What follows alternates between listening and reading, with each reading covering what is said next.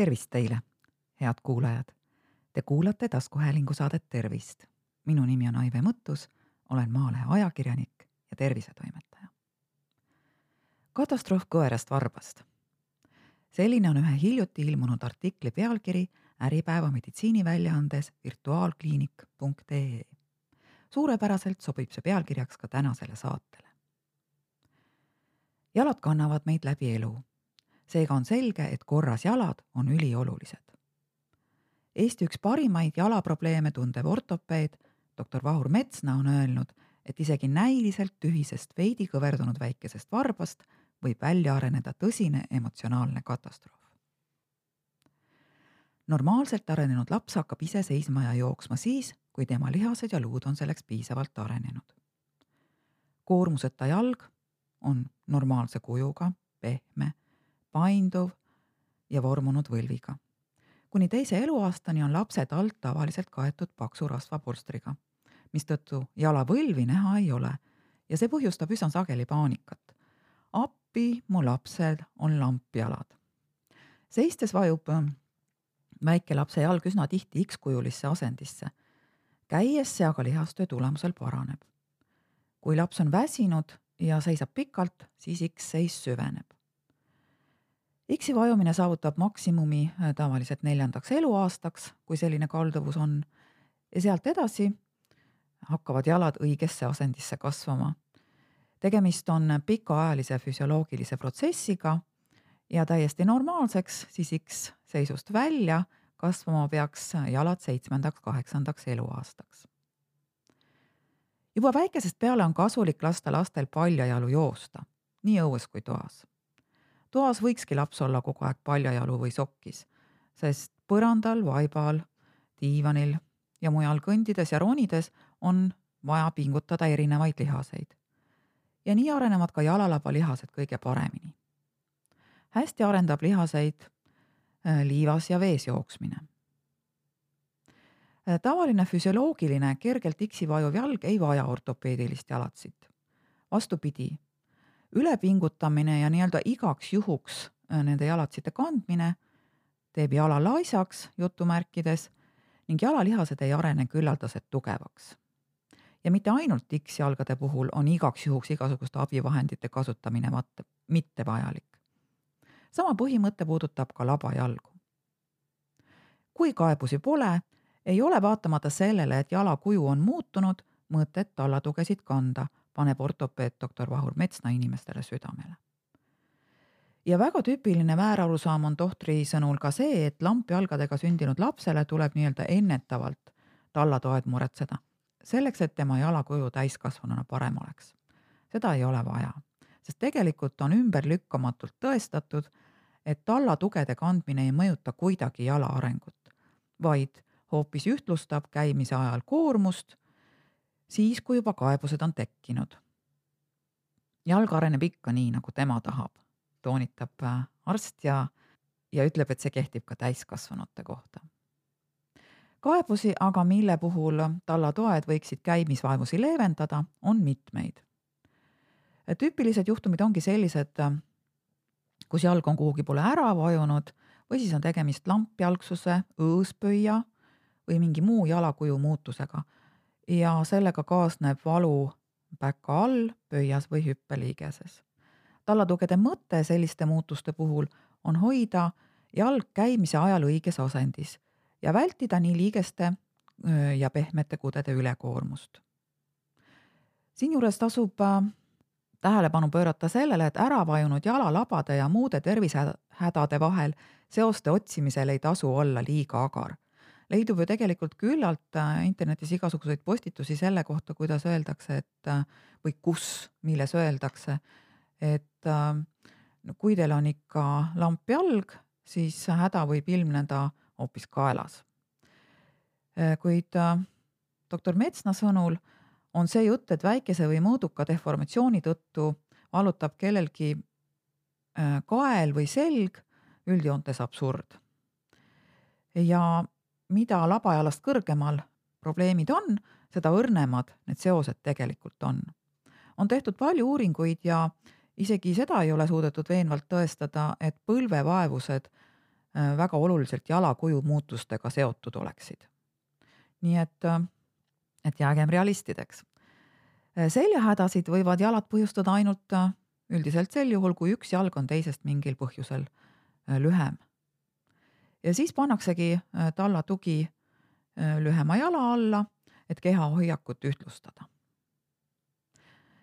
enne kui hakata tallatugesid valima, mm, tasuks äh, siiski arstiga nõu pidada, et äh, vältida mõttetut raha raiskamist. Äh, kui odavamast on kasu, pole ju vajadust individuaalseid tallatugesid tellida. et nad on kallimad, see on fakt. aga kas nad ka paremini aitavad, on iseküsimus, arvab doktor Metsna. näiteks võib päkavalu korral abi olla ka lihtsalt keel taldadest mida ortopeediliste vahendite poodides müüakse.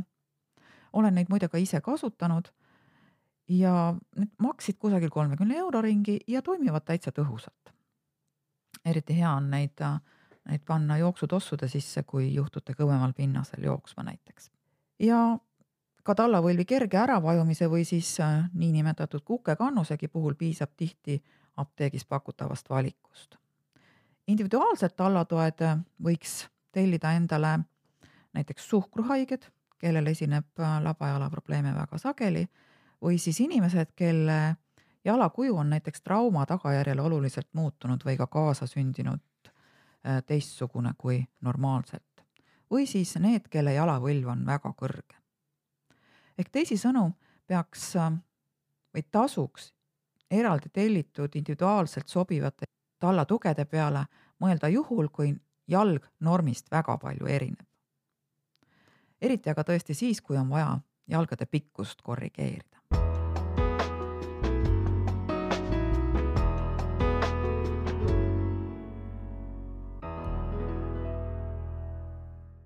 kuidas neid tallatugesid siis valmistatakse individuaalseid? No tallatugede meister Meeris Jürisaare sõnul koosneb tallatugede valmistamine väga mitmest etapist. esmalt tehakse kõigepealt jalalava digitaalne uuring nii seistes kui liikudes ja seejärel võetakse siis jala, jalgadest jäljendid, nende alusel tehakse kipsvormid. sinna pressitakse siis sisse vastavalt jala eripärale erinevad tugede materjalid.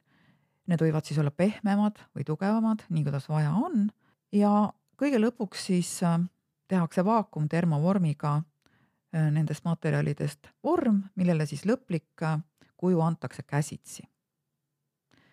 ja tallatoed sobitatakse jalanõudesse ja vajadusel korrigeeritakse neid seni, kuni saavutatakse parim tulemus.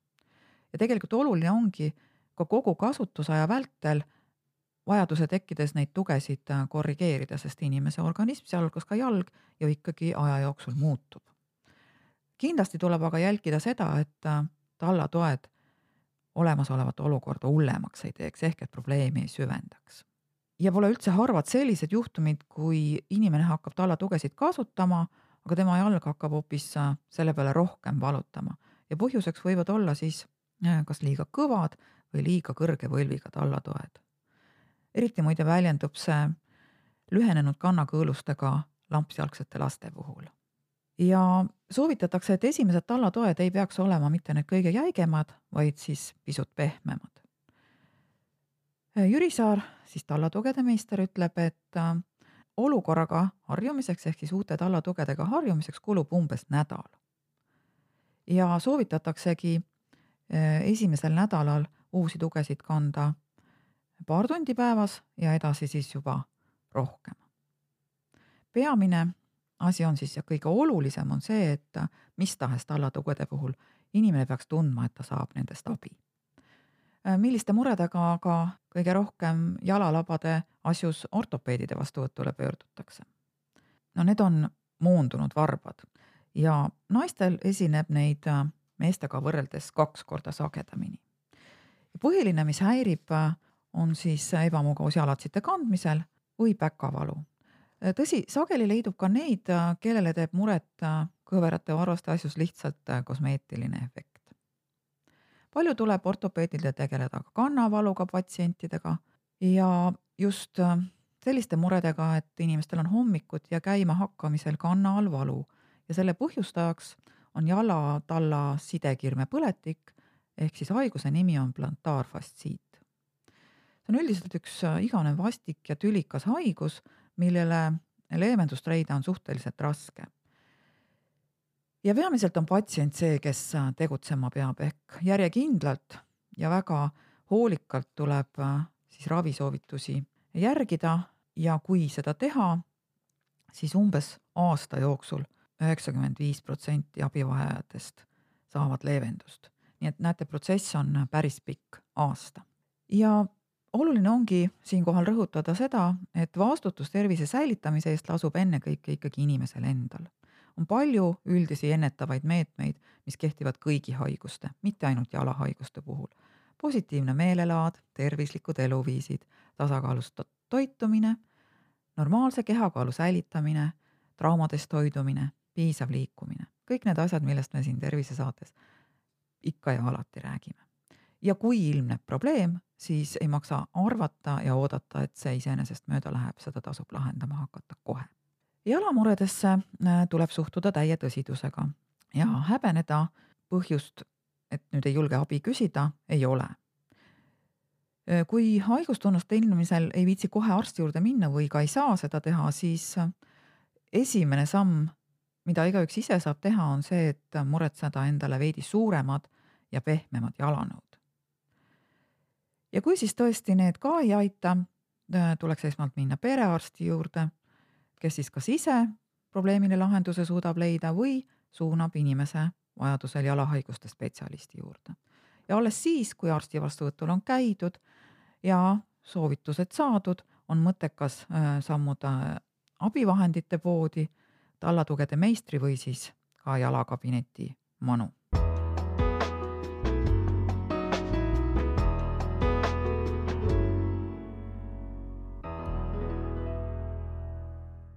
mis asjad need jalaravikabinetid on? no ehkki neid Eestis on juba mitu ja seal võetakse inimesi vastu juba tükk aega, avatakse siiski selline õppesuund äh, tervishoiu kõrgkoolis Tartus äh, esimest korda alles eeloleval sügisel tõenäoliselt.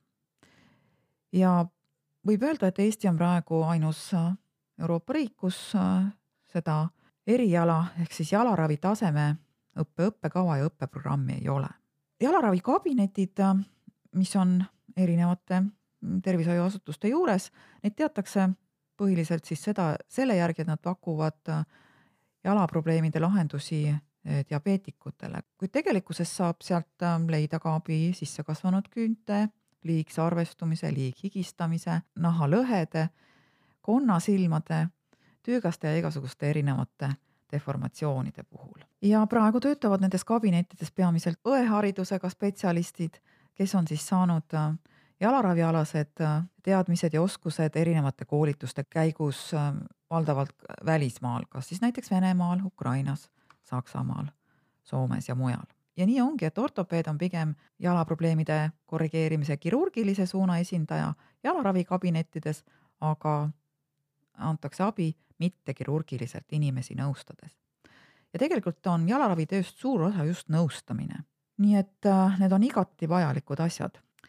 jalgadega seonduv on paljuski hügieeniga seotud ja võib äh, mõne inimese jaoks olla intiimne ja tundlik valdkond. ja paljud inimesed tegelikult pole ka üldse teadlikud sellest, et meil on sellised jalaravikabinetid olemas, kus saab probleemidele lahendusi leida. pigem pöördutakse näiteks hoopis ilusalongi pediküüri poole, aga tema ikkagi ei oska spetsiifilistele jalavaevustele tähelepanu pöörata. ja olgu veel öeldud, et enamus inimesi sünnib ilma tervete jalgadega. elu jooksul omandatud jalamuutused põhjustavad tavaliselt kannatusi kas probleemide ignoreerimisest või teadmatusest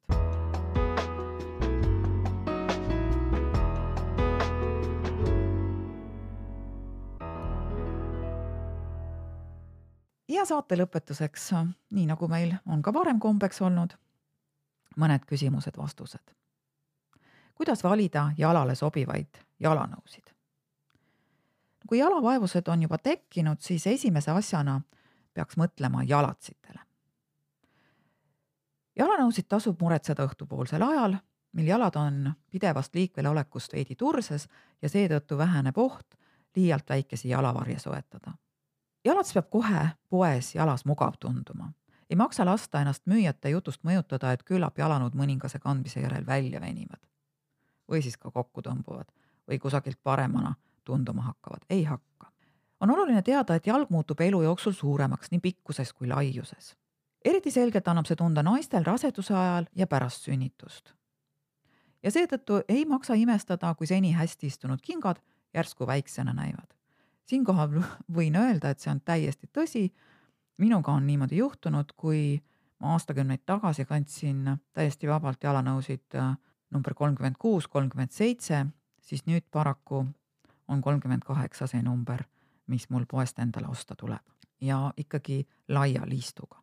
kitsad terava ninaga kingad olen ma pidanud unustama hämmastavalt tõhusalt aitab jalavaevusi leevendada äh, tavapärasest number või poolteist suuremate pehmete pealispinnaga korraliku võlvi toega ja ruumika varbaosaga jalatsite kandmine. millal pöörduda ortopeedi vastuvõtule? vaevuste püsimisel äh, tasub kindlasti minna jalahaigustele spetsialiseerunud ortopeedi vastuvõtule, sest arst näeb äh, suuremat pilti, oskab panna õige diagnoosi ja selgitada patsiendile kõiki erinevaid ravivõimalusi. ideaaljuhul peaks asjad käima nii, et esimesena pöördutakse äh, perearsti vastuvõtule, kes siis haiguse diagnoosib või kui ei diagnoosi, suunab äh, inimese ortopeedi vastuvõtule ja siis äh, on selle tulemuseks, ükskõik siis kumma arsti juures käigu tulemuseks, koos patsiendiga optimaalse raviplaani koostamine. tõesti, arsti juurde tuleb oodata natukene kauem, kui, kui on järjekord ortooside või abivahendite müügiga tegelevates firmades aga sinna tasuks minna siis alles pärast arsti vastuvõtul käimisest, muidu võib juhtuda, et te raiskate asjatult raha. ega need ortopeedilised äh, tallatoed ja muud abivahendid ju odavad tegelikult ei ole. ja loomulikult on äh, tähtsal kohal ka ka jalgade pediküür, ükskõik kas siis seda, kui väga suuri muresid ei ole, tehakse ilukabinetis või siis ka jalakabinettides teostatav ravipediküür on oluline.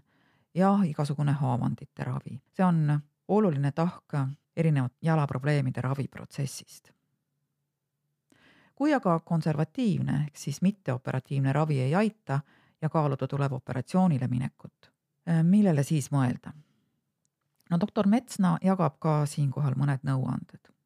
esimene neist on see, et operatsioon on viimane lahendus ja parim lõikus on ikkagi ära jäänud lõikus. Äh, patsient, kui ta peab operatsioonile minema jalgadega, siis äh, tuleks sinna minna realistlike ootustega. ehk et jalaoperatsioonidega saab vaevusi leevendada, aga täielikult kõrvaldada mitte. ja väheste probleemide korral ei tasu operatsiooni ette võtta, sest äh, skalpelliga pole võimalik täiesti uut ja murevaba jalga meisterdada.